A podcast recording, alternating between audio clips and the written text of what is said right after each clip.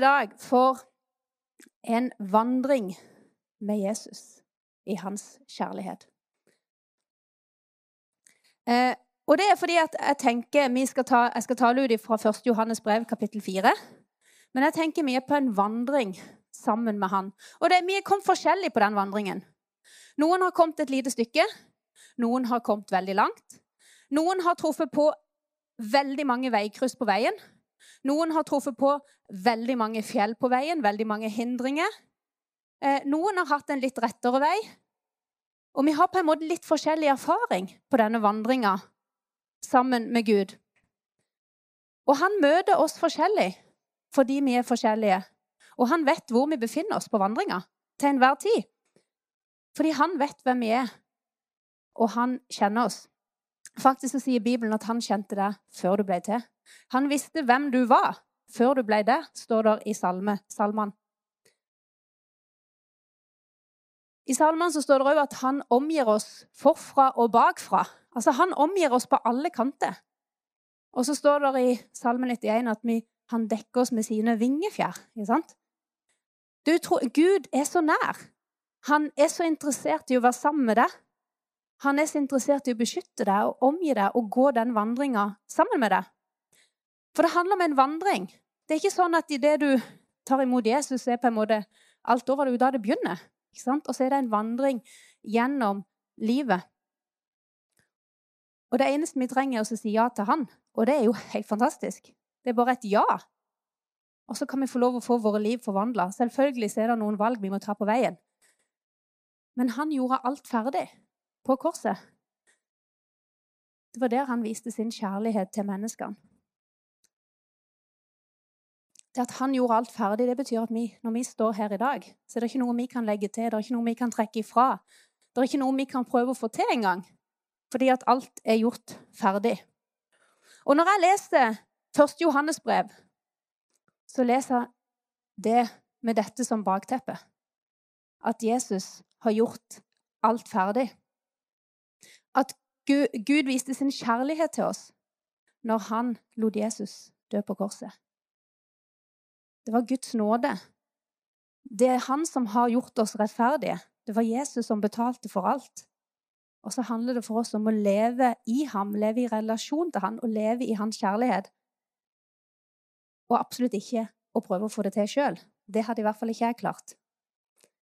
Kommer vi til å feile på vandringa? Ja. Vi kommer til å gå på trynet noen ganger. Og noen ganger så gjør det kanskje veldig vondt òg. Men så er det så herlig, for vi kan få lov å reise oss opp sammen med han. Det betyr ikke at vi skal prøve å feile, det er ikke det jeg mener. Men skulle vi feile, så er han der, og så løfter han oss opp. Kommer vi til å ta et feil kryss noen gang? Ja, kanskje det òg. Kanskje vi tar noen feil valg, men så kan han lede oss tilbake på veien. Fordi vi går sammen med han. For Johannes, når han skriver dette, så hadde han et fokus. Han hadde et fokus på hvem Gud var. På Guds kjærlighet. På hva Jesus hadde gjort for ham. Han så hvem Gud var. Han så seg sjøl gjennom Guds kjærlighet.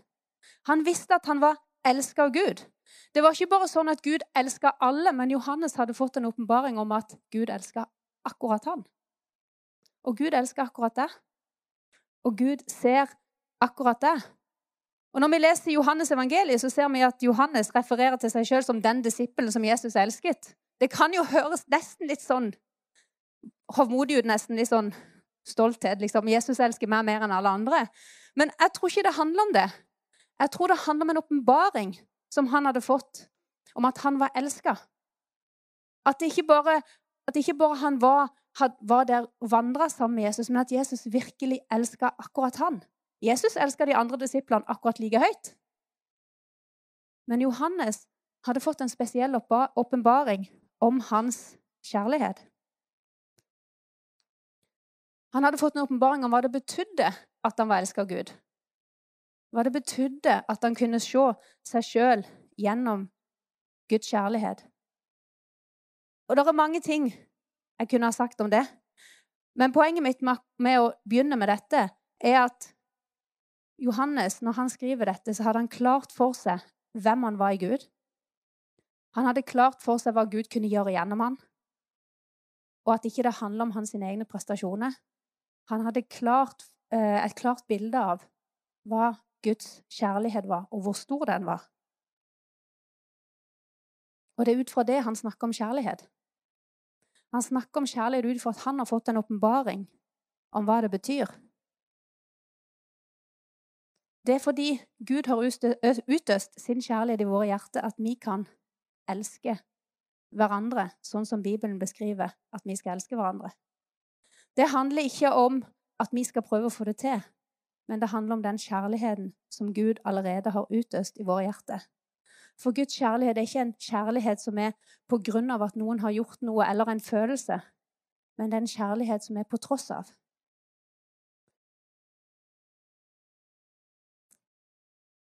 Han som er i dere, er større. Mine kjære, tro ikke enhver ånd. Prøv åndene om de er av Gud. For det har gått mange falske profeter ut i verden. På dette kjenner dere Guds ånd.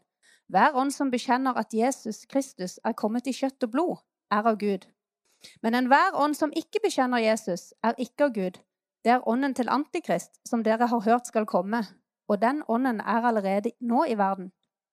Men dere, mine barn, er av Gud og har seiret over dem, for Han som er i dere, er større enn Han som er i verden. De er av verden, derfor taler de som verden. Og verden lytter til dem. Men vi er av Gud, og den som kjenner Gud, hører oss. Den som ikke er av Gud, hører ikke på oss. Slik kan vi skjelne mellom sannhetens ånd og villfarelsens ånd. Nå skal jeg ikke gå inn på alt som står der, men jeg skal ta noen punkter ut ifra, dette. Det Johannes snakker om, er jo det å prøve ånden. altså prøve Hva er det som er fra Gud, og hva er det som ikke er fra Gud? Og ikke godta og ikke tenke at alt er fra Gud, selv om det ser ut som det er fra Gud. Men det handler jo òg om at vi har Gud på innsida. Det handler om at vi har noe som vi prøver det mot. Ikke sant? Ja, vi prøver det mot Guds ord, men det handler òg om den vandringa vi går med Jesus. Fordi at vi må òg kjenne Gud for å kjenne igjen det som er av Gud. Og det kommer ut ifra relasjonen med Gud, at vi kjenner Han, at vi kjenner Hans ord, og at vi kjenner Hans kjærlighet. Det kan godt være du har en venn eh, som du kjenner veldig godt. Eh, kanskje du vet veldig mye om den vennen. Du vet hvordan den vennen er, du vet hvilke kvaliteter den vennen har. Du, eh, du vet hvordan den vennen ville ha svart i spesielle situasjoner. Og så plutselig så kommer det en annen person til deg og forteller deg noe som går helt fullstendig imot det som du kjenner at du vet om denne vennen. Da er i hvert fall min reaksjon da jeg går jeg rett i forsvar for den vennen. Fordi at jeg vet dette ikke stemmer. Fordi at jeg kjenner jo den personen. ikke sant? Vi har en formening om hvor, hva den personen ville gjort. Og så stemmer ikke dette med sånn som vi kjenner den. Og når vi kjenner Gud, og på en måte det kommer noe som ikke stemmer med sånn vi kjenner Gud, så skjer det noe i oss. Vi kan kjenne det igjen fordi at vi vandrer sammen med Gud.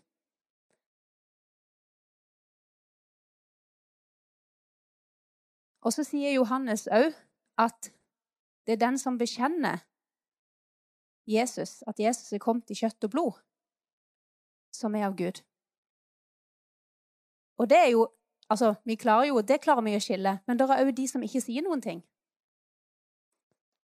Og så skriver Paulus i Galaterne står det 'forakt ikke profeter, men prøv alt og hold fast på det gode. Så Det handler om å holde fast på det gode, holde fast på det som er fra Gud. Johannes snakker om å ikke tro på alt, men å finne ut hva er det som virkelig er fra Gud, og hva er det som ikke er fra Gud. Og så sier Johannes, men han som er i dere, er større enn han som er i verden. Så sier han at vi har seira over dem fordi vi har Gud. Vi har allerede vunnet en seier fordi Jesus triumferte på korset, står der i Kolosserne. Men vi kan få lov til å holde fast på den seieren. Det er ikke et spørsmål om hvem som skal vinne. Det er ikke et spørsmål om hva resultatet blir engang. Om det blir 2-1 eller om det blir 10-0. Altså, det er en overlegen seier som ikke kan måles, for han har allerede vunnet. Vi vet resultatet. For vi er Guds barn, og vi har sammen med Jesus seira over de. Og det kan være litt utfordrende i disse tider. For vi kan oppleve at det, det som, de sannhetene som vi kjenner i våre hjerter, som stemmer med Guds ord Det kan være vi har lest i Bibelen, og så er det noe som kommer imot. Det kan være vi står i situasjoner hvor vi blir utfordra på troa vår.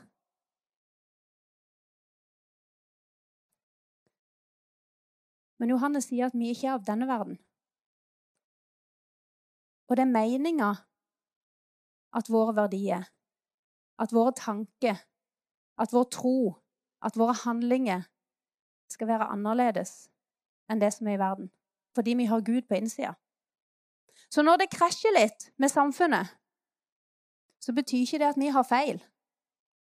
Det betyr bare at vi har Gud på innsida, og at da er det noen ting som krasjer. Det er noen sannheter, det er noen ting vi ikke kan gå på kompromiss med, fordi at vi holder fast på sannheten om hvem Gud, hvem Gud er, og sannheten vi finner om hvem vi er i Gud. Så blir ting da annerledes fordi vi ser ting i lys av hans kjærlighet og gjennom hans ord. Vi ser ting gjennom Jesus og gjennom det som han har talt. Det som er så sant, og det som, bare, det er sånn helt utrolig, det er jo at uansett om Guds, Guds sannheter blir utfordra, så rokkes de ikke i det hele tatt. De står stødige som fjell. Folk kan prøve å endre på dem. Og prøv, vi kan prøve å rettferdiggjøre oss sjøl. Vi kan prøve å la følelsene våre styre. Men sannhetene, Guds sannheter, de står fast uansett. de. Uansett hva jeg skriver i en bok, eh, hvilken teologi jeg har, uansett hvordan jeg prøver å endre på den for å få det til å passe inn, så står Guds sannhet fast uansett. Det er ingenting som kan rokke den. Og òg i Romerbrevet så sier Paulus at men i alt dette har vi mer enn seiret.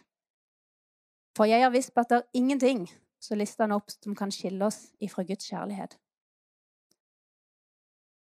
Guds kjærlighet og Guds sannhet står fast uansett.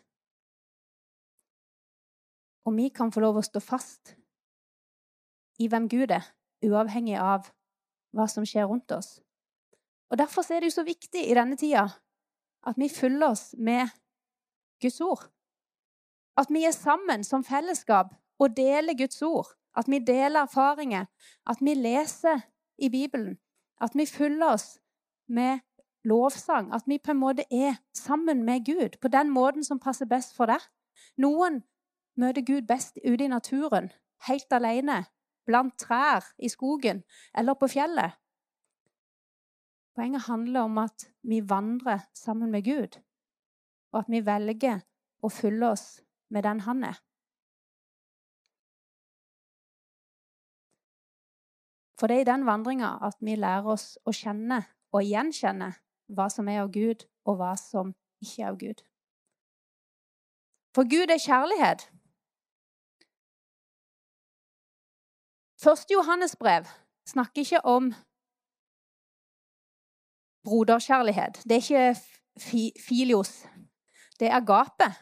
Det er det ordet Johannes bruker. Han bruker ordet agape når han skriver Johannes, første Johannes brev. Eh, det å elske og det å være elsket, og så er det agape han snakker om. Eh, og agape det er ikke en kjærlighet Sånn som når vi snakker om kjærlighet mellom venner, så er det, liksom, det er en sånn følelse Du er på en måte sånn, du er glad i en person fordi den er glad i deg, omtrent. ikke sant? Eh, du er glad i en person fordi den er god mot deg. Men agape handler ikke om følelse. Agape handler om et valg. Gud valgte å sende Jesus. Jesus valgte å dø på korset. Han valgte å ta på seg all straff, all smerte, all skyld, all skam, all sykdom. Han valgte å sette oss fri. Det var et valg som ikke var på grunn av at jeg hadde vært så vanvittig flink. Eller på grunn av at jeg hadde vært så god, eller på grunn av at du hadde vært så god. Men det var et valg. Fullstendig av nåde. Betingelsesløs. Det var ikke noen betingelse for å få den kjærligheten. Den er ikke avhengig av følelse eller omstendigheter. Og den står stødig som fjell. For det endrer seg jo ikke om følelsene endrer seg, eller om omstendighetene endrer seg. Han har elska oss helt siden begynnelsen. Det handler ikke om hvor mye godt eller hvor langt vi har strekt oss. Men Guds kjærlighet, den strekker seg lenger. Den strekker seg helt til de mørkeste steder. Fordi Guds kjærlighet er så enorm. Og det var ikke på grunn av, men på tross av. Agape beskriver en uovervinnelig vennlighet og ubeseiret godvilje. Den vil ikke søke eh, noe annet enn det beste for mennesket. Og den beskriver en sånn betingelsesløs kjærlighet. Det står videre da i 1. Johannes 4.: Mine kjære, la oss elske hverandre, for kjærligheten er fra Gud. Hver den som elsker, er født av Gud og kjenner Gud. Men den som ikke elsker, har aldri kjent Gud. For Gud er kjærlighet. Og ved dette ble Guds kjærlighet åpenbart blant oss, at Gud sendte sin enbårne sønn til verden for at vi skulle leve ved ham. Ja, dette er kjærligheten. Ikke at vi har elsket Gud, men at han har elsket oss og sendt sin sønn til soning for våre synder. Mine kjære, har Gud elsket oss slik? Da skylder også vi å elske hverandre. Ingen har noen gang sett Gud, men dersom vi elsker hverandre, blir Gud i oss, og hans kjærlighet er fullendt i oss. At vi blir i ham og han i oss, det vet vi fordi han har gitt oss av sin ånd. Og vi har sett, og vi vitner om, at Faderen har sendt Sønnen som verdens frelser. Om noen bekjenner at Jesus er Guds sønn, blir Gud i ham og han i Gud. Og vi har lært å kjenne denne kjærlighet Gud har til oss, og vi har trodd på den. Gud er kjærlighet, og den som blir i kjærligheten, blir i Gud, og Gud i ham. Og Her snakker Gud om den kjærligheten som han har utøst i våre hjerter. Den kjærligheten som gjorde at han gikk til korset for vår skyld. Og denne samme kjærligheten vi skal elske hverandre med. Men så er det jo litt harde ord inni her, da. Den som ikke elsker, har aldri kjent Gud. Jeg vet ikke med det. Det kan godt være det bare meg. Eh, men har du noen gang kjent på det at det kan være litt vanskelig å elske en person? Vært litt, litt vanskelig å være glad i en person? Nei. Eh, men jeg har i hvert fall det.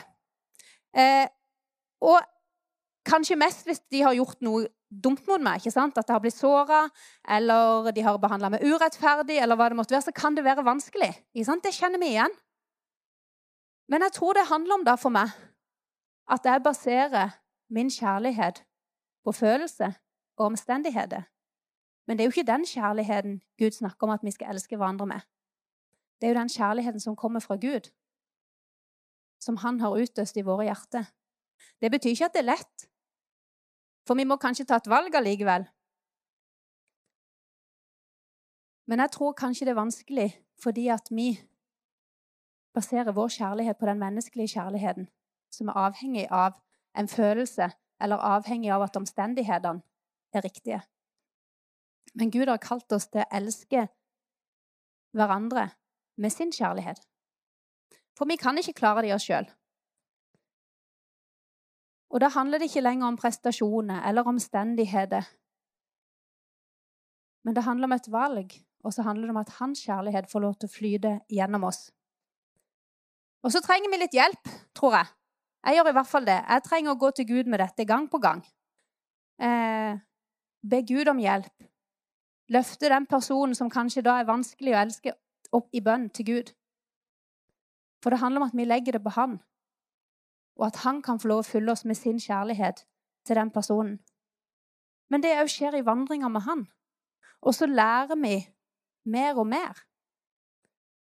Jo mer vi går med han, jo lenger vi går med han Og jeg har ikke gått så lenge ennå, selv om det var 20 år. Men jeg har en lang vandring igjen. Men jeg kom til et stykke, og så har du kommet til et stykke, og så lærer vi nye ting på veien. Og så lar vi Gud få lov til å forme oss der vi er. Men vi kan ikke klare det i egen kraft. Vi trenger hjelp av Gud, for det er gjennom hans kraft og hans kjærlighet. Og det er jo ikke sånn at Johannes var den første som sa dette. For dette sa jo Jesus i eh, Johannesevangeliet. Blant annet så sier han at vi skal elske våre fiender. Men han sier òg det at alle skal forstå at de, altså disiplene, er hans disipler på om de har kjærlighet til hverandre. Og så sier han at de skal elske hverandre sånn som han har elska de. Altså med hans kjærlighet. Og kanskje det er noen ting vi må legge av oss. Kanskje det er noen ting vi må ta tak i. Kanskje jeg trenger å be noen om tilgivelse. Kanskje du trenger det. Kanskje det er noe vi har sagt. Kanskje det er noe vi har løyet om. Kanskje det er noe vi har baktalt. For det er jo ikke kjærlighet. Og Jeg snakka litt om det når jeg talte i november. Jeg skal bare ta med et bibelvers derifra. Der står i Efeserne 429 og så pluss 31 og 32. La ikke et eneste råttent ord komme ut fra deres munn, men bare ord som tjener til nødvendig oppbyggelse, for at ordene kan gi nåde til dem som hører på. La bitterhet, vrede, sinne, skrik og ond tale være langt fra dere, sammen med all ondskap. Vær gode mot hverandre, vær barmhjertige og tilgi hverandre, slik Gud har tilgitt dere. Det er ganske tøffe ord. Og hver gang jeg leser dette, så tenker jeg oi sann, her må jeg gå i meg sjøl. Fordi det handler jo om at vi, vi, er mennesker. ikke sant? Vi gjør ting som er litt dumt. Vi sier ting som vi kanskje ikke skulle ha sagt. Men så kan vi få lov å gå til Gud med det, og vi kan få lov å ordne opp hvis vi har gjort det i en relasjon. Men det Paulus snakker om her, det er å være annerledes. Å leve annerledes enn verden. Han snakker om å snakke til oppbyggelse istedenfor å snakke ned. Han snakker om å tale folk fram istedenfor å tale folk ned. Om det å framsnakke noen istedenfor å baktale noen. Det å ikke la bitterhet og vrede på en måte være inni oss, det ødelegger jo bare for oss sjøl. Så det han sier, sier han ut fra Guds kjærlighet om hva som er godt for oss. Og så må vi ta noen valg om at vi legger ting på Han. Vi trenger å åpne vårt hjerte for at han får røre med oss, for det han ønsker å lege på innsida. Og det handler om at vi lar oss påvirke av Guds kjærlighet, og at vi venner oss til den kjærligheten. For Guds kjærlighet, den er Det kan dere finne i første Korinterbrev. Men Guds kjærlighet, den er tålmodig. Den er velvillig. Den er ikke misunnelig. Den skryter ikke, og den blir ikke oppblåst. Den oppfører seg ikke umoralsk. Den søker ikke sitt eget. Den lar seg ikke opphisse, og den tenker ikke ut noe vondt eller ondt. Den gleder seg ikke over urett, men har sin glede i sannheten. Den tåler alt, den tror alt, den håper alt, og den uttaler alt. Og det er den kjærligheten som Gud har utøst i våre hjerter.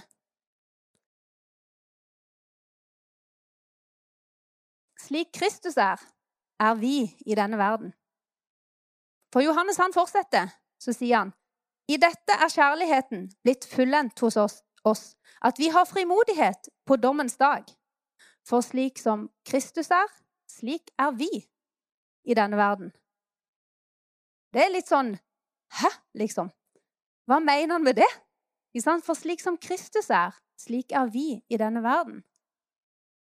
Og det handler jo om at Gud har tatt bolig på innsida av oss. At vi har fått Han på innsida. Og jeg tror det er så mye større enn det vi klarer å fatte. For det handler ikke bare om at vi har Jesus med oss, men det handler om at Hans ånd har tatt bolig i oss og ønsker å hjelpe oss til å ta, de, ta gode valg i alle situasjoner. Det handler om at Gud bor i oss med sin kjærlighet, sånn at vi kan nå mennesker rundt oss med hans kjærlighet det handler om at han bor i oss med sin visdom, sånn at vi kan tale visdom inn til mennesket rundt oss. Det handler om at han bor i oss med sin fred, sånn at vi kan bringe fred til mennesker som opplever uro i relasjoner eller på innsida. Det handler om at vi har Jesus på innsida. Og så tror jeg det er så mye større. Jeg tror ikke vi har skjønt en liten brøkdel engang av hvor stort det er at han bor på innsida av oss. Vi får lov til å reflektere hvem Jesus er. Vi får lov til å la mennesket se Jesus gjennom oss. Ikke fordi vi er så gode, eller fordi vi har fått det til, men fordi han er god, og fordi han har tatt bolig på innsida av oss. For det handler om hva han har gjort, og hvem han er, og hva han gjør i oss og gjennom oss, og hva han ønsker at andre mennesker skal få se, nemlig hans kjærlighet.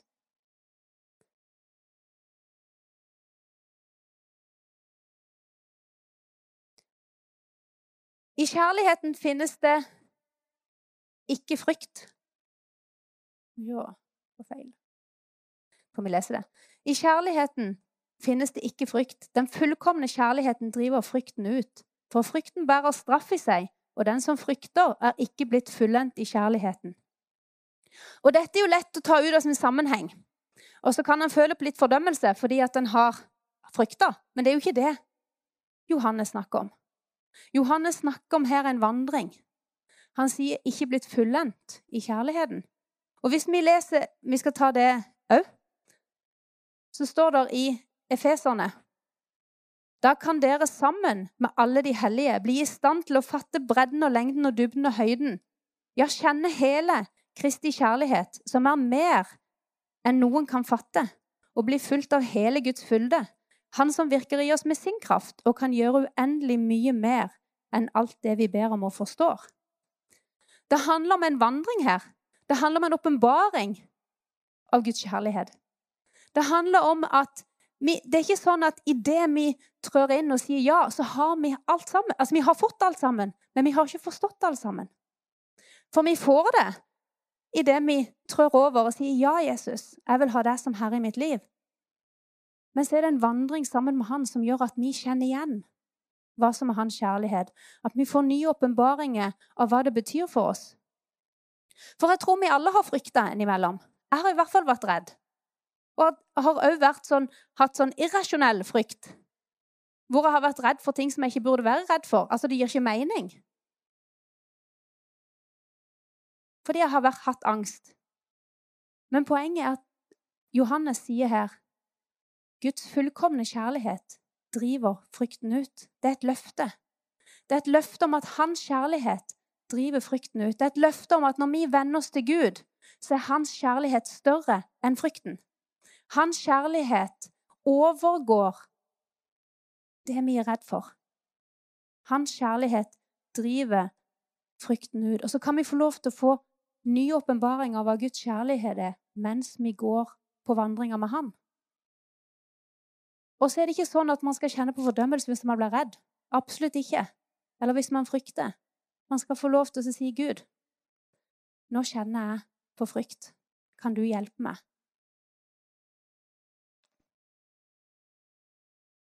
For vi er ikke der at vi forstår alle sider av Guds kjærlighet. Jeg skulle ønske at det var der, men vi er ikke der. Men det står at vi sammen med alle de hellige kan bli i stand til å fatte bredden og lengden og høyden dybden, og dybden. Ja, kjenne Kristi kjærlighet. Sammen med alle de hellige. Sammen så kan vi få lov til å få en åpenbaring av Guds fullkomne kjærlighet.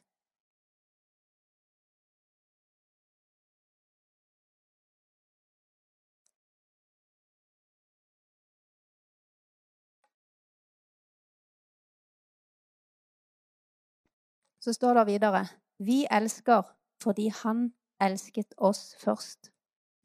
Den som sier 'jeg elsker Gud', men likevel hater sin bror, er en løgner. For den som ikke elsker sin bror som han har sett, kan ikke elske Gud som han ikke har sett. Og dette bud, budet vi har fra Han, den som elsker Gud, må også elske sin bror. Og Her kommer jo Johannes tilbake igjen til at vi skal elske hverandre. Og han er jo ganske hard i sine ord. Han er det. Og så er det noe kanskje litt vanskelig å ta inn over seg. ikke sant? Men så tenker jeg at her vi må òg ha det bakteppet som Johannes har, nemlig at han har fått en åpenbaring av Guds kjærlighet. Han har fått en åpenbaring av at han er en ny skapning når han har tatt imot Jesus. Han har fått livet sitt forvandla.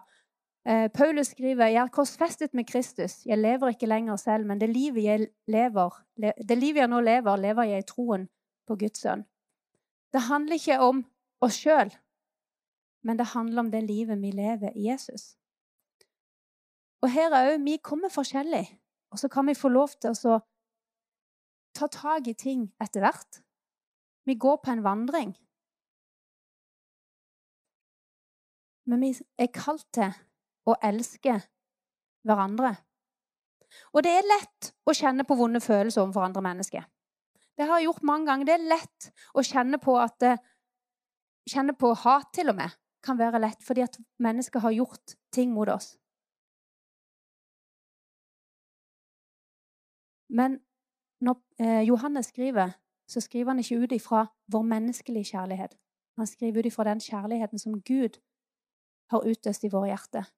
Som ikke handler om våre følelser mot en person, men som handler om at Gud ga oss alt. Den kjærligheten som overgår alt. Gud elsket oss først, og vi elsker fordi han elsker oss først. Den kjærligheten som elsker på tross av og ikke på grunn av. Min kjærlighet i forhold til dere, hvis jeg tenker på min menneskekjærlighet, den er betinga. Men Guds kjærlighet i meg til dere, den er betingelsesløs fordi det er Guds kjærlighet. Betyr det at vi skal godta alt? Det er jo absolutt ikke det jeg sier. Vi skal ikke godta alt. Vi skal ikke godta å bli behandla dårlig, og vi skal si ifra. Vi, skal, vi, har faktisk lov til å sette opp grenser for oss sjøl og si at du, det du sa der, det var ikke greit. Vi har lov til å reagere, for det er ikke sånn at vi skal på en måte ta imot alt. Det er ikke det det handler om. Men det handler om at når vi da har sagt ifra, og ikke svart med samme mynt For de som kjenner det uttrykket Simon, det må vi få på ukeplanen, sant? Ja, husker du det? Ja. du må ikke svare med samme mynt. Det er ikke det jeg snakker om, men at vi sier ifra. Og man setter på en grense for seg sjøl. Men så er det du som velger hva du gjør etter det. For den personen som har gjort noe galt, det er jo den som står med ansvar for å ordne opp. Og det er like galt uansett om du velger å gå videre, eller om du velger å holde fast på det. Så det den personen har gjort, like galt. Men det som så, det som er litt sånn dumt, er jo at vi så lett holder fast på det og så lett lar bitterhet og sinne og hat på en måte bli en sånn rot i hjertene våre av ting som har skjedd. Og så gjør det jo ikke noe annet enn at det ødelegger for oss sjøl. Det, det skjer noe på innsida av oss. Men vi kan få lov til å istedenfor si ifra, og så kan vi gå videre.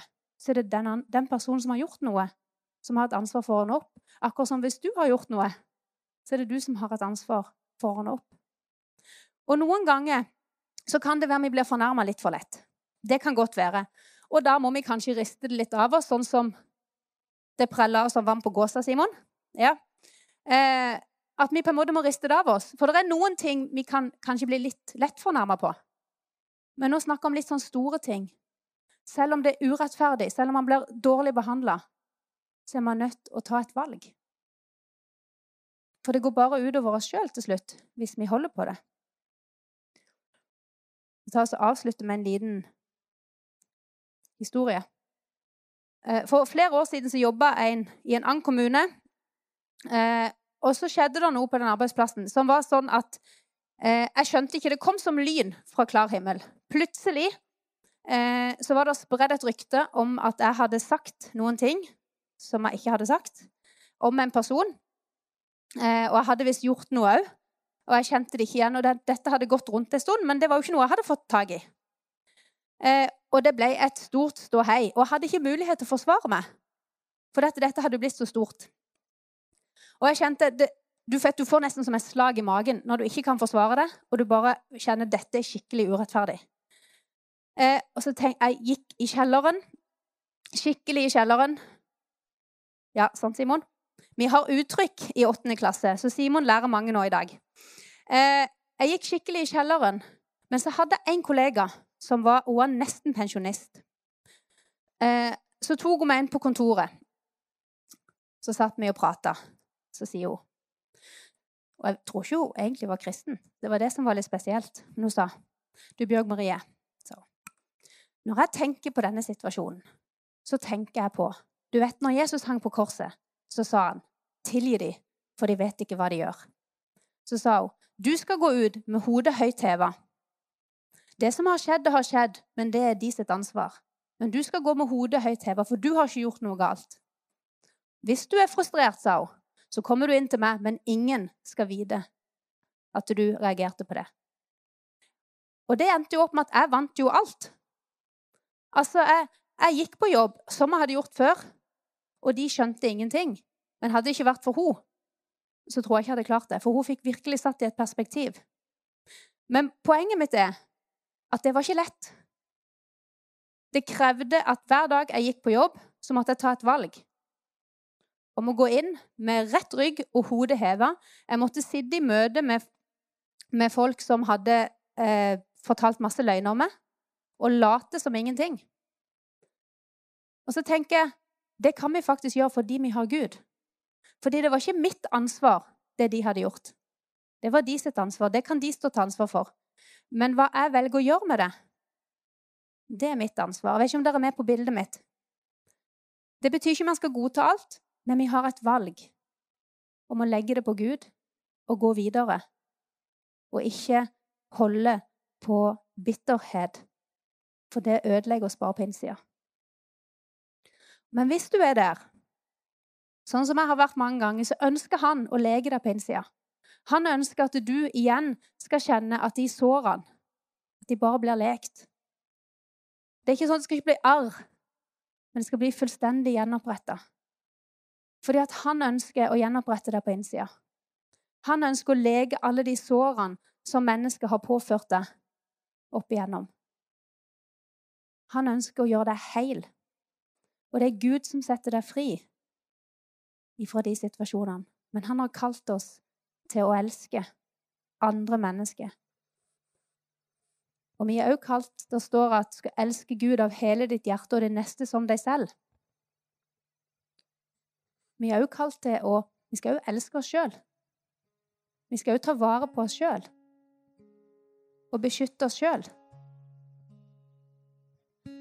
Men vi skal, er også kalt til å elske andre med Guds kjærlighet. Og hans kjærlighet den når på dypet. Den når lenger enn det vi kan tenke oss. Den når til og med ned i dødsskyggens dal. Den når på de mørkeste steder av jorda. Den når ned i de dypeste, kanskje stedene i ditt liv, hvor ting har vært vanskelig. Så når hans kjærlighet.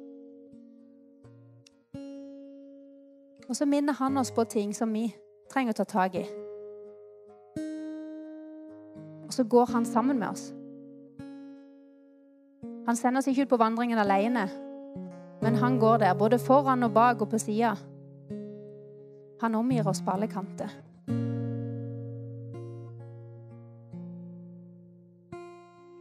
Så er det fantastisk at vi kan få lov til å elske Gud og elske mennesker. Vi kan få lov til å elske mennesker med hans kjærlighet. Fordi han har gitt oss det helt gratis. Kjære Jesus, jeg takker deg for din kjærlighet. Takk, Herre, for det at du rører med oss nå, Herre. Takk for din kjærlighet. Den strekker seg dypere og lenger enn det vi kan fatte. Ber Herre om at du gir oss en ny åpenbaring av lengden og bredden og høyden og dybden av din kjærlighet, Herre. At vi får lov å se noen nye sider med din kjærlighet i dag, Herre.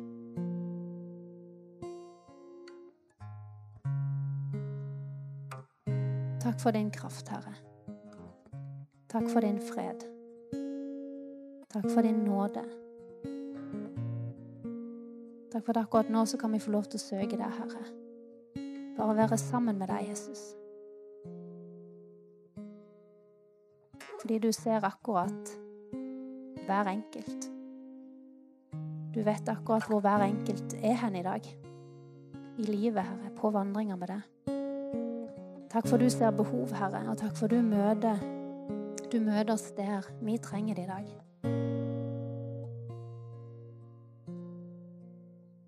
Takk for du taler til oss, Herre. Og takk for vi kan få lov til å vende blikket på deg. Du som er troens opphavsmann og fullender. Du som ga livet ditt for oss, Jesus. Du som tok på deg all skyld og skam, all smerte, all sykdom, Herre. Du som valgte å gå dødens vei for vår skyld. Takk for din kjærlighet.